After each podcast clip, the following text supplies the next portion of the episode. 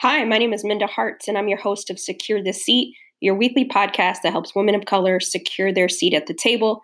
And it's not about just getting your seat, but it's about creating space and bringing other women of color along for the ride and for the work with you. Um, it's really important that we do that. We see so many people get into positions of power, and sometimes they don't bring anybody along with them, or they like being the only one. And I'm a firm believer that success is not a solo sport. And to create legacy, we have to continue bringing folks along with us. Um, it's just better that way. So, shout out to you if you've been rocking with me uh, for three seasons. Thank you. When I started this podcast, I had no idea that it would be beneficial or helpful. And every download, every review, every time you listen, I don't take it for granted because you're busy. And for you to bring me into your world and listen to the guests and think about the content that you're hearing through your car, through your earbuds, it means so much to me. And I hope that you find value in it. Um, I get so many people who send me messages, uh, emails, direct messages, LinkedIn messages, all those things, and they and it just means so much to me. So I just want to say thank you. And then also for my listeners that are not people of color or women of color, I appreciate you too because this content is how you educate yourself. You have to understand what we're talking about, what we're going through to even attempt to try and help and be an ally or be a success partner. So kudos for you for joining in and continuing to be part of the conversation. Martin Luther King said, we will live in the monologue, not the dialogue. And I think it's so important that we live in it, not just talk about it, that action. And so today's episode is so dope. I mean, every week that I put out a podcast, when I do, I know I've been slipping a little last um, couple of weeks because it's just um, preparing for the book. The book drops August 20th. If you have not secured your copy, go and do that the memo, What Women of Color Need to Know to Secure a Seat at the Table. You can get it wherever you like to buy your books. Um, most convenient, people are telling me, is Amazon or Apple, however you like to, to do that. But pre order, those mean so much. And that signal boost to the powers that be that this content matters. And so if you bought your book already, I just want to say thank you. Uh, but today we're actually going to talk about toxic work environments because it's hard to thrive in an environment that is not invested in your success, but also greeting you with microaggressions, greeting you with bias, um, so much. So, um, our guest today is really rad, and we became friends through social media. It seems like that's the way you meet people these days. Um, and I had the opportunity to take our online friendship uh, in person when I was speaking at Duke earlier this year, and she took me to a really amazing chicken and waffle spot in um, in Durham. I think we were in Durham. We were either in Raleigh or Durham. You like cross the street and you might be in one one place. Uh, but I just appreciate women like Sarah Morgan. And before I get into her, I just want to take a moment and just take a pause and a moment of silence for Toni Morrison. If you're not aware of her, just a prolific figure um, for African Americans, but to the world writer, advocate, activist, thought leader, thought provoker. She really she was all about that for us by us. And um, my first introduction to Ms. Morrison was when I was a little girl and I would go and visit my great grandmother and my great aunt they lived in the same like duplex kind of apartment thing when I was a young girl, and when uh, I'd go visit them um, in Los Angeles, and my great grandmother had this room in the back, and she had all of her books there, and I remember being probably seven or eight, maybe, and I saw this book it, called Tar Baby, and I and I remember I'm like, and I remember running to one of my relatives like, "What is this book?" and that was the first introduction that I had to Toni Morrison as a little girl. And obviously, her work traveled with me and became part of me as I became a, a grown woman. And a few years ago, I had the honor and the pleasure of meeting her and actually spending a couple hours with her in her home.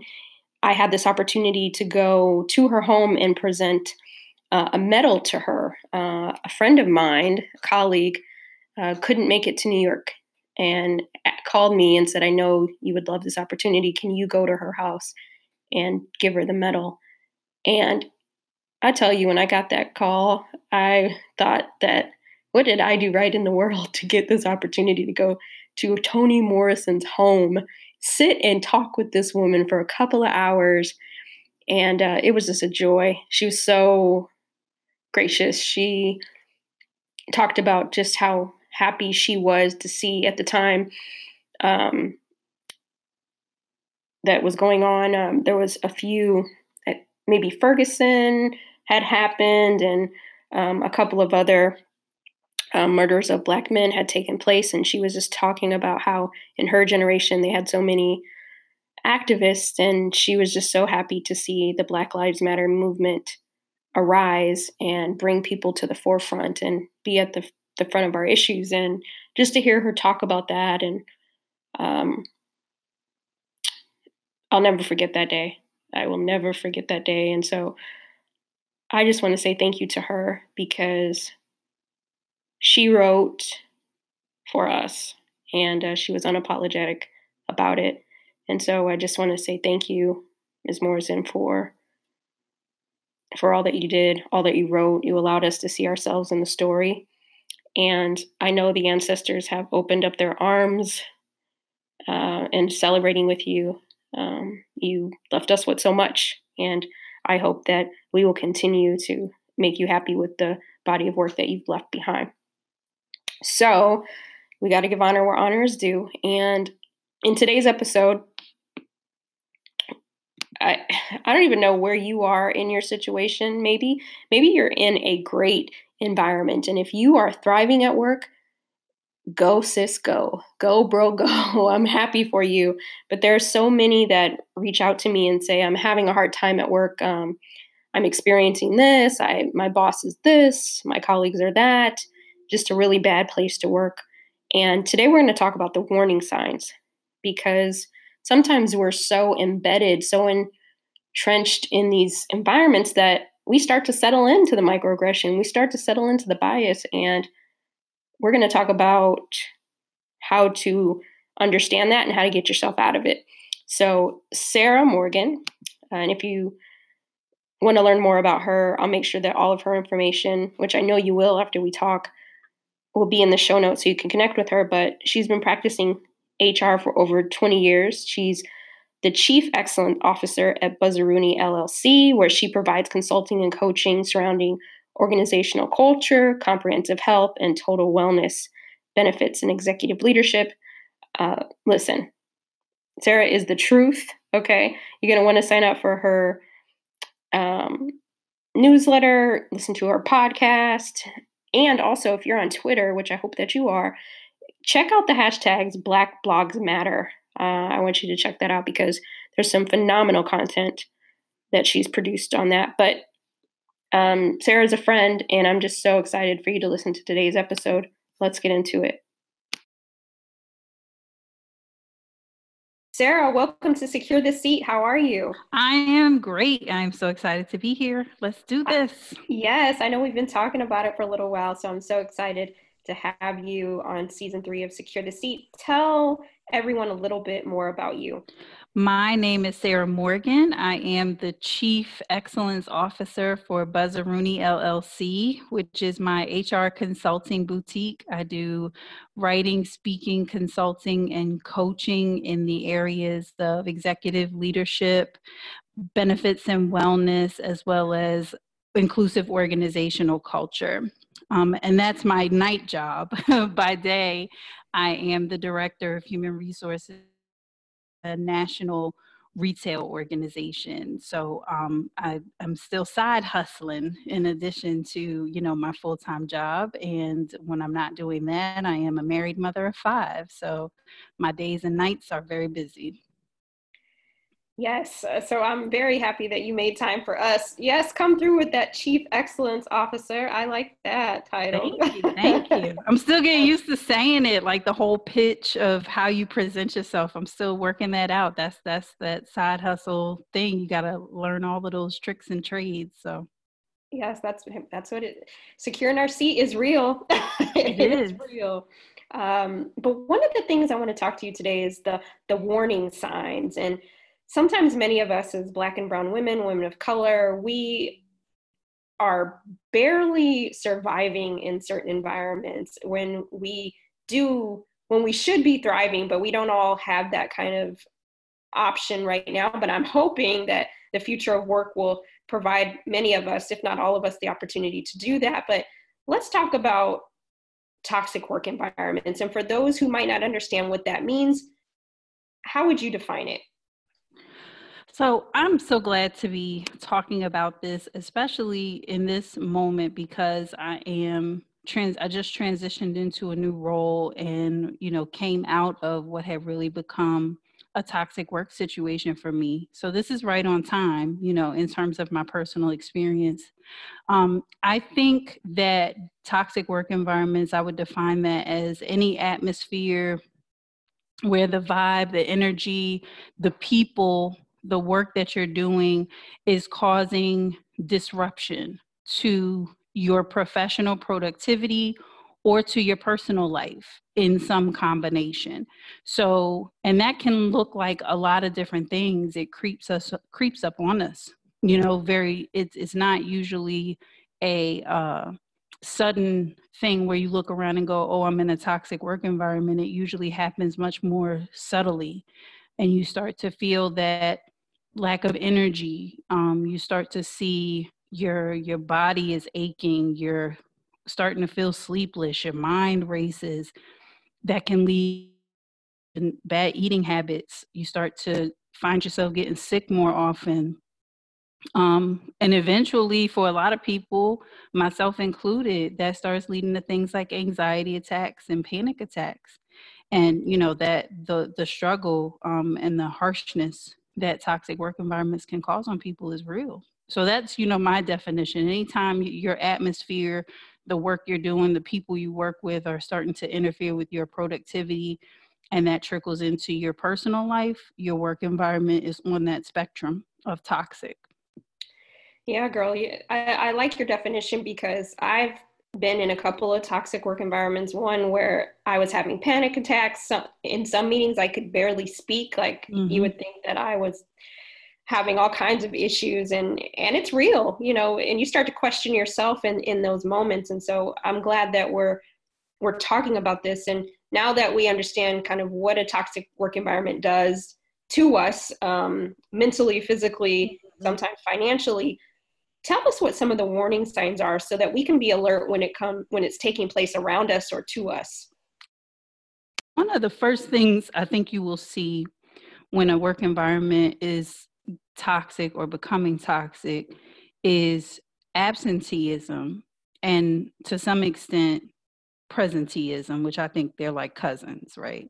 You have pe- either people are not coming to work they're coming in late they're leaving early, they're taking long lunches, or they're at work, but they're not really productive. They're spending a lot of time in their coworker's office, venting about, you know, their frustrations with the job. Um, a lot of gossip is is going on and that's taken away from people being present and productive in their job. So that's one of the first things that you see in toxic work environments.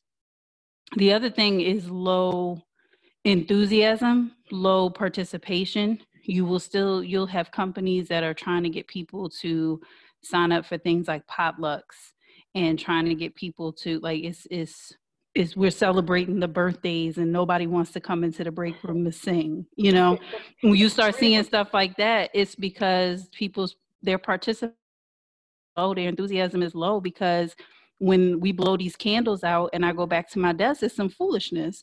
And I don't want to fake the funk with y'all. So mm-hmm. I'm not coming in the break room to sing happy birthday. I might not even like that person, you know, so you start to see that going on. Um, turnover tends to be a pretty sure sign. People are not going to stay in an unhealthy work environment, so it may not necessarily be your department. Um, but you may hear people talking about, I'm looking for another job, I'm trying to get out of here, or you start to see people leaving. I think um, you start to see a lot of kind of siloing of people and a lot of finger pointing in toxic work environments, the the dreaded CC on emails when you got to copy everybody and they they boss and they boss's boss because you cover your own butt. Um, people are just kind of unwilling to work together. People would, you know, they silo themselves. It's like I'd rather do this project by myself than work with so and so because I can't trust, you know, this person is not going to try to throw me under the bus. So you see just that unwillingness to collaborate and work with people because you're working and healthy. And I think the last thing is your leadership is going to be disengaged and may even start to see like some twinges of narcissism happening in there where they're just not willing to listen to feedback they're not willing to hear you know what it is that you have to say if you don't agree with them and you don't want to move forward with whatever it is that they're saying with no objections and not even and, and you can raise objections that are valid. They don't want to hear that either. When you find yourself in that kind of environment, you know that your workplace is is toxic. Whew. You you had me doing some um I had some PTSD moments. yes, yes. Like you start checking the list and you go, oh, ooh, I got that, I got that, I got yeah, yeah, it happened. Yeah. Them CC and moves, man. When people start to worst, worst, you know it's downhill when whenever when you get that everybody's on the email and ain't like, got nothing I, You emailing me and you already copying my boss. You ain't even give me a chance. Like, come on, man. Like that's you know that that's not a healthy work relationship. That's not a relationship between two people who trust each other and are looking each other. If you already telling on me and I ain't even had a chance to do nothing yet, that's too you doing too much. Yes. So, yeah, that's a that's a sign that something sign. is not right in in your work environment. Yeah, and uh, public service announcement. Stop doing that. If that's you, stop doing that. and if you are a leader, don't let that be done. That's mm-hmm. the other piece because if you tolerate that, I don't tolerate that kind of foolishness. I will be quick to be like, why are you copying me on this? Like, I will call the other person out. Why are you copying me on this? You haven't even given so and so an opportunity to address the issue. It's no need to escalate to me. I get enough emails. I, I will call that out with the quicks because I'm not for it. But people will, when you're in a toxic environment, that feeds into that ego, you know, and that that negative vibe that's going on. And it's like, ah, see, look, I got you. Mm-mm, ain't no gotcha. Give, it, don't escalate nothing to me if you haven't given the person whose responsibility it is a chance to do what they're supposed to do with it. Yeah. Uh, that, that'll preach. That already preached. Tabernacle, benediction. Okay. Yes. Yes. Uh, pull out the tambourine. And, and and on that note, so we we know the signs. We understand what it is. We know that there's some stuff happening that shouldn't be. And maybe you're not in a position where you can just chuck the deuces and leave. Right? You're like, I gotta stay here till I find something else or whatever the case. But that self advocacy, how would you advise others on how to address these occurrences with balance in the workplace? So, when you're in a very toxic work environment, it, advocating for yourself is probably not going to yield the same results that it would if you were in a healthy and supportive work environment. So you have to do that much more carefully. Um, I, I for myself, I monitored my venting um, because that I found myself in just this kind of swirl of negative energy when you start constantly talking to other people about everything that's wrong then you just find yourself stuck in this negative space and you can't shake that off. So what i would do ask myself, what's the next right answer? What's the, like, this is trash. I know it's trash. It's going to be trash. But what's the best next thing that I can do in this circumstance to make it just a little bit better so that I stay in integrity with myself? And when I started to look at it that way, I was able to bring my anxiety levels down and you know find safe spaces of people that I could talk to but we held each other accountable not to let ourselves get too far into the doldrums because venting is a dangerous habit because when you're venting you're not looking for solutions you just want somebody to conspire with you in your misery and nothing good is going to come of that and the universe responds to your energy so when your energy is bad from eight in the morning till five in the afternoon you're not going to come home in the right frame of mind to write that cover letter to send that resume out so you can get that next opportunity you're not going to feel like going to the networking event so that you can shake hands and meet people that's going to bring you to that next opportunity. So you really got to be careful about that. But with by the same token, you know, cultivate your outside interests um, because toxic work environments take such a a toll on us physically and emotionally that's the time that you have to make sure that you eating right that's the time you got to make sure you hydrated you moisturize you're you know you're keep your prayers up, keep your meditation up, like all of those things that keep you in positive habits, listening to podcasts that keep you encouraged, like this one and others. Like that's the time for you to really fuel your spirit, you know, so that you're when you come in there, you're ready. It's also the time for you to cultivate your other interests.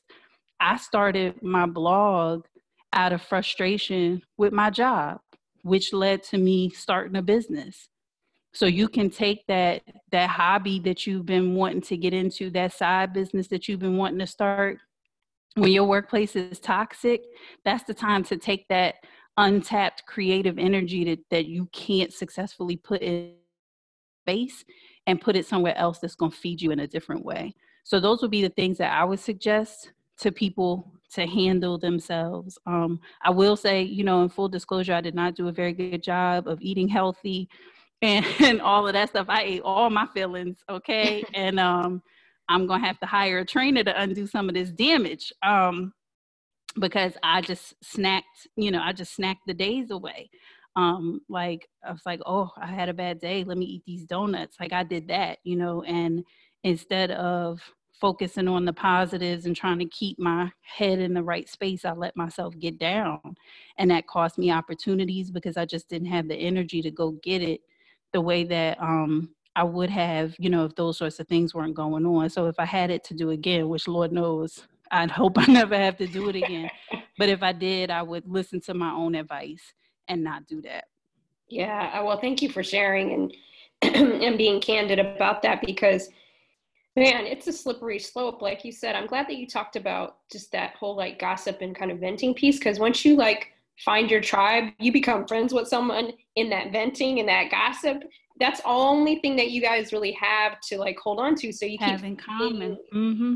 it off of each other. And I was just having a conversation with a good friend, like, yo, stop having conversations like that with so and so because you need to flip that switch, mm-hmm. right? Because and it was really hard because she was saying, "Oh, all they come to me is about the negative because that's what all we were talking about." And now we don't have anything to talk about now that I've cut that off. And I'm like, yep listen you're already in the environment you don't you don't need to fuel that fire it's easy to do though because we want someone to talk to right? yeah it's you know misery loves company and that is true in a lot of ways and we use that you know as an adage for negative people but you know energy attracts similar energy and when you're in a negative space you can't attract you know positive people and what you need to get yourself out of that toxic work environment, to get yourself set for that next opportunity, you need as much positive stuff, you know, out in the atmosphere and around you as you can possibly get. So, as much as you can, you know, find yourself a, a safe friend. Give y'all so give set a timer. Give yourself give yourself five ten minutes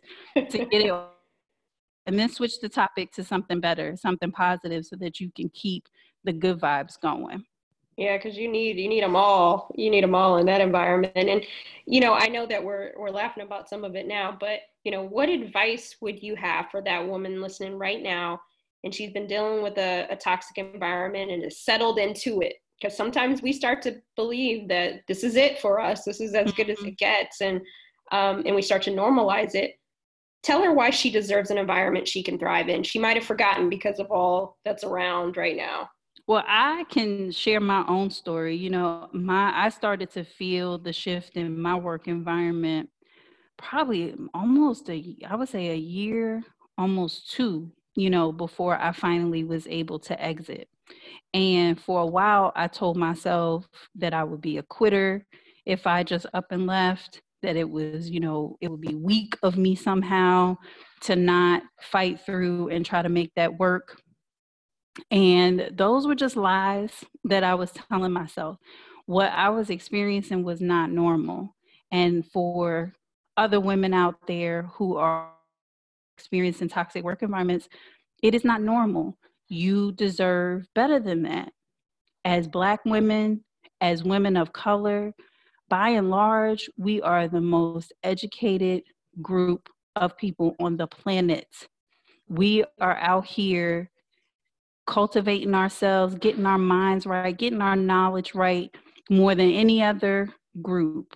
And we don't do all of that to go to work and make 65, 75, 85 cent on the white man's dollar and have to deal with this foolishness. I am a woman of faith. I say Jesus did not die for me to have to go through this. I don't know what your faith is, but whatever your faith is, whatever it is that you believe in, that sacrifice is is not in vain. You waste yourself doing that. You should not be stressed out. That's not how we are meant to, you know, live ourselves out on on this earth. It's just not. So don't let yourself get down, you know, too far in the doldrums. Recognize the signs, recognize the symptoms, and then make yourself a plan to get. Um, I know you. We talked about it jokingly, but workplace PTSD is real. Mm-hmm. The prolonged exposure to microaggressions, prolonged exposure to stress and and all that heightened negativity that you go through when you work through a toxic work environment is likened psychologically to war. So when you come out of that, you are scarred. That's mm-hmm. real trauma. Do not be afraid to get mental health help for that. I did it. I love my therapist. Talk about her all the time.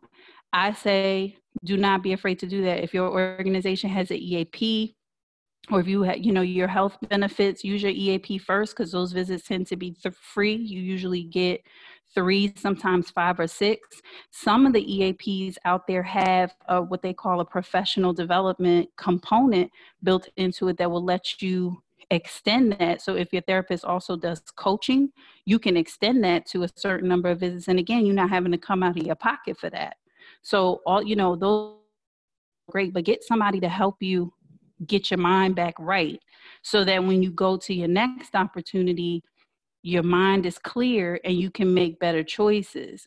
I needed somebody to help me as as I was going through the job search process again to make sure that I was that I was asking the right questions of my next employer, that I was looking around to see the signs of what happens in in a toxic work environment before I got there, so I could say, "Skirt, uh-uh, this ain't the opportunity for me."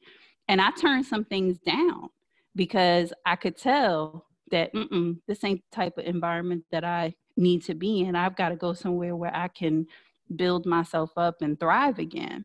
So it's really important. Don't be afraid, you know, to take those steps to get your mind back right. And then the last thing I'll say is make sure that you again keep your energy in the right place. Um, I have a, a good male friend, a guy friend, who talks about um, when he's he's single, so he's not married, and he talks about when he's decided he doesn't want to date any a woman anymore. They the pre breakup. So in his mind, he's already broke up with her. In his mind, he has moved on, and he starts to slowly back out of that relationship and start putting those boundaries in place again so that by the time he breaks the news the emotional you know all the emotion is out of it i'm done Pre-breakup with your job that's what i say you know write that write that a letter of resignation, put a date on it, manifest that. You know, write your exit survey, get all that negative energy out of you so that you can focus on finding your next great opportunity. Yes, yes, all of that great information because there's a lot of toxic work environments out there and we don't need to be in them. There's plenty no. of good opportunities and good people and good colleagues that want to create equitable environments for us. And and we are we are more than enough. And we just sometimes have been battered. And and and to your point taking that luggage that baggage don't take it to that next job. Leave that crap it's right where like, it is right. It's just like a bad relationship. You got to you know you might need to to clear some stuff out to do some personal work. And the other thing i'll say things are really bad, you going to your doctor, you going to your therapist, those sorts of things become important because if you, I am a human resources professional, if you ever become in a situation where you have to sue a former employer, having the health issues that you experienced documented in your medical files is is important and helpful. So, you know, don't sell yourself short on that. People always say, "Oh, you know, we don't complain nearly enough. There may be a lot of claims out there, but a lot of them ain't us.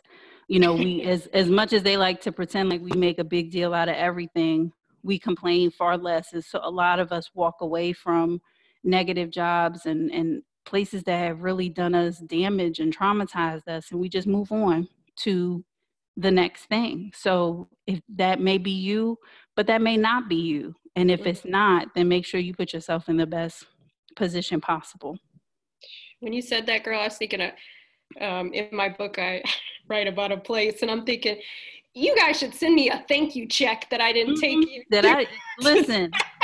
okay, I remember.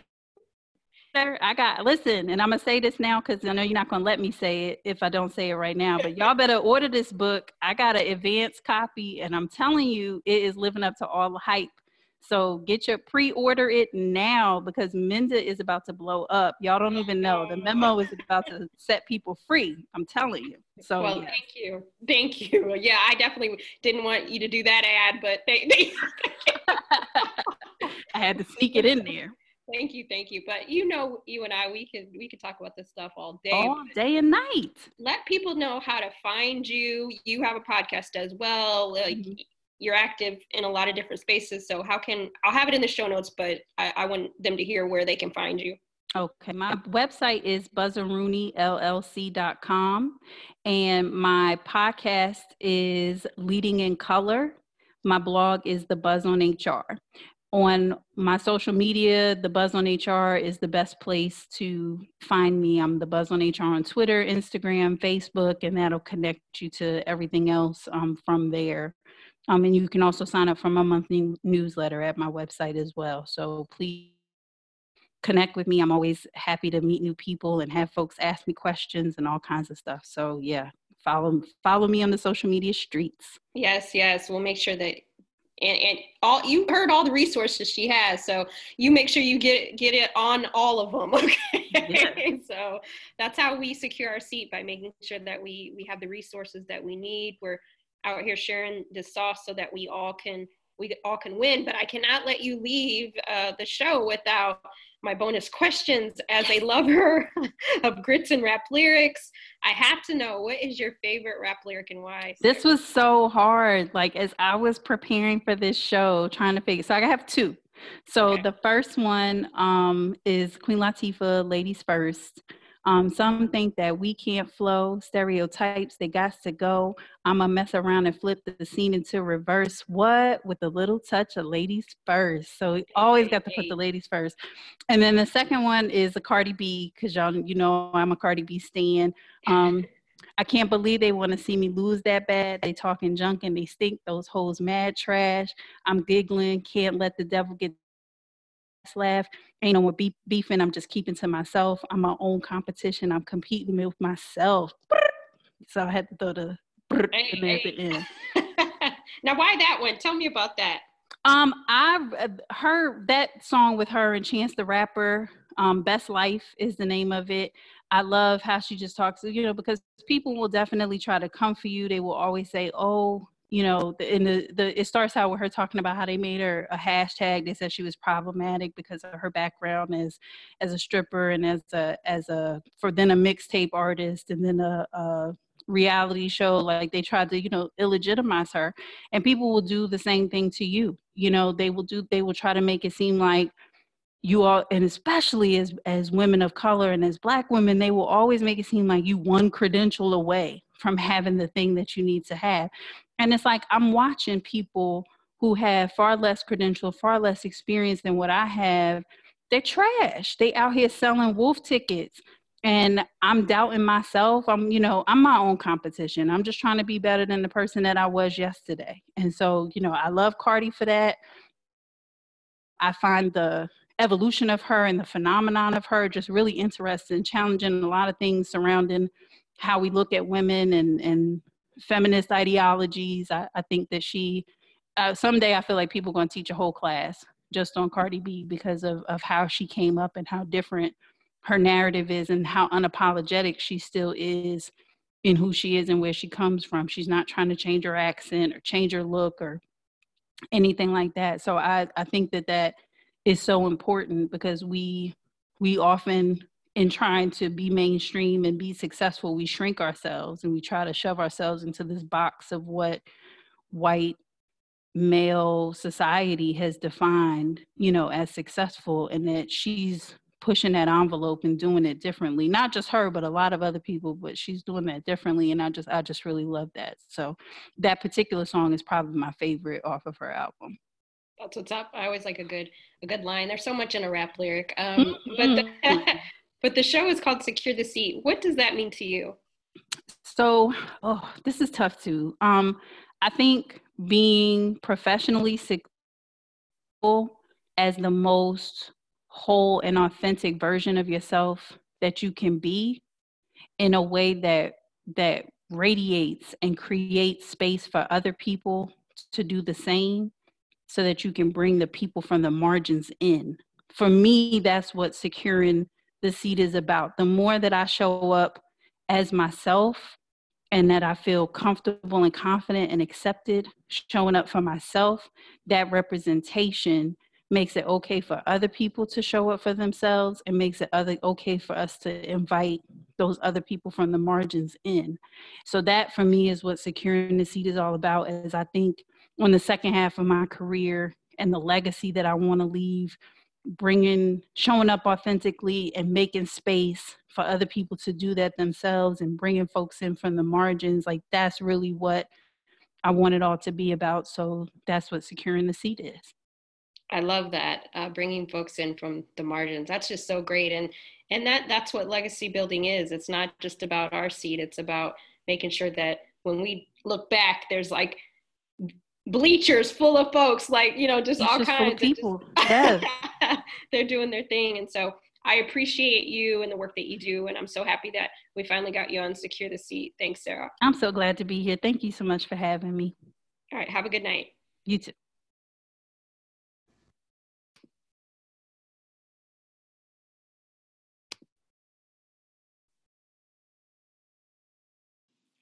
I hope you enjoy that episode as much as I did. Uh, it was so fun to uh, record that. And I know it's not fun when we are going through the toxic workplace, but please know that Sarah has been through it. I have been through it. There's many of us that have been through it, and we've made it to the other side. Uh, in my book, I talk about a very toxic experience I had, and I was pretty much crawling out of the door uh, at the end of that experience because my pride and everything was scattered all over. Um, I did not speak up for myself the way that I should have. I took a lot of crap that I should not have taken, and um, and it really shook my self esteem. Um, there was a time before that where I was very confident in my work, knew what I brought to the table, but when you are greeted with this toxicity, it chips away at you, and um, I was barely surviving, definitely wasn't thriving. And so that experience is what prompted me to create the memo. It prompted me to write the book. It prompted me to produce the podcast because I said on my watch, I never want another Black woman, I never want another woman of color to go through this and feel like they don't have anybody else. Not on my watch. And so um, I do this for us.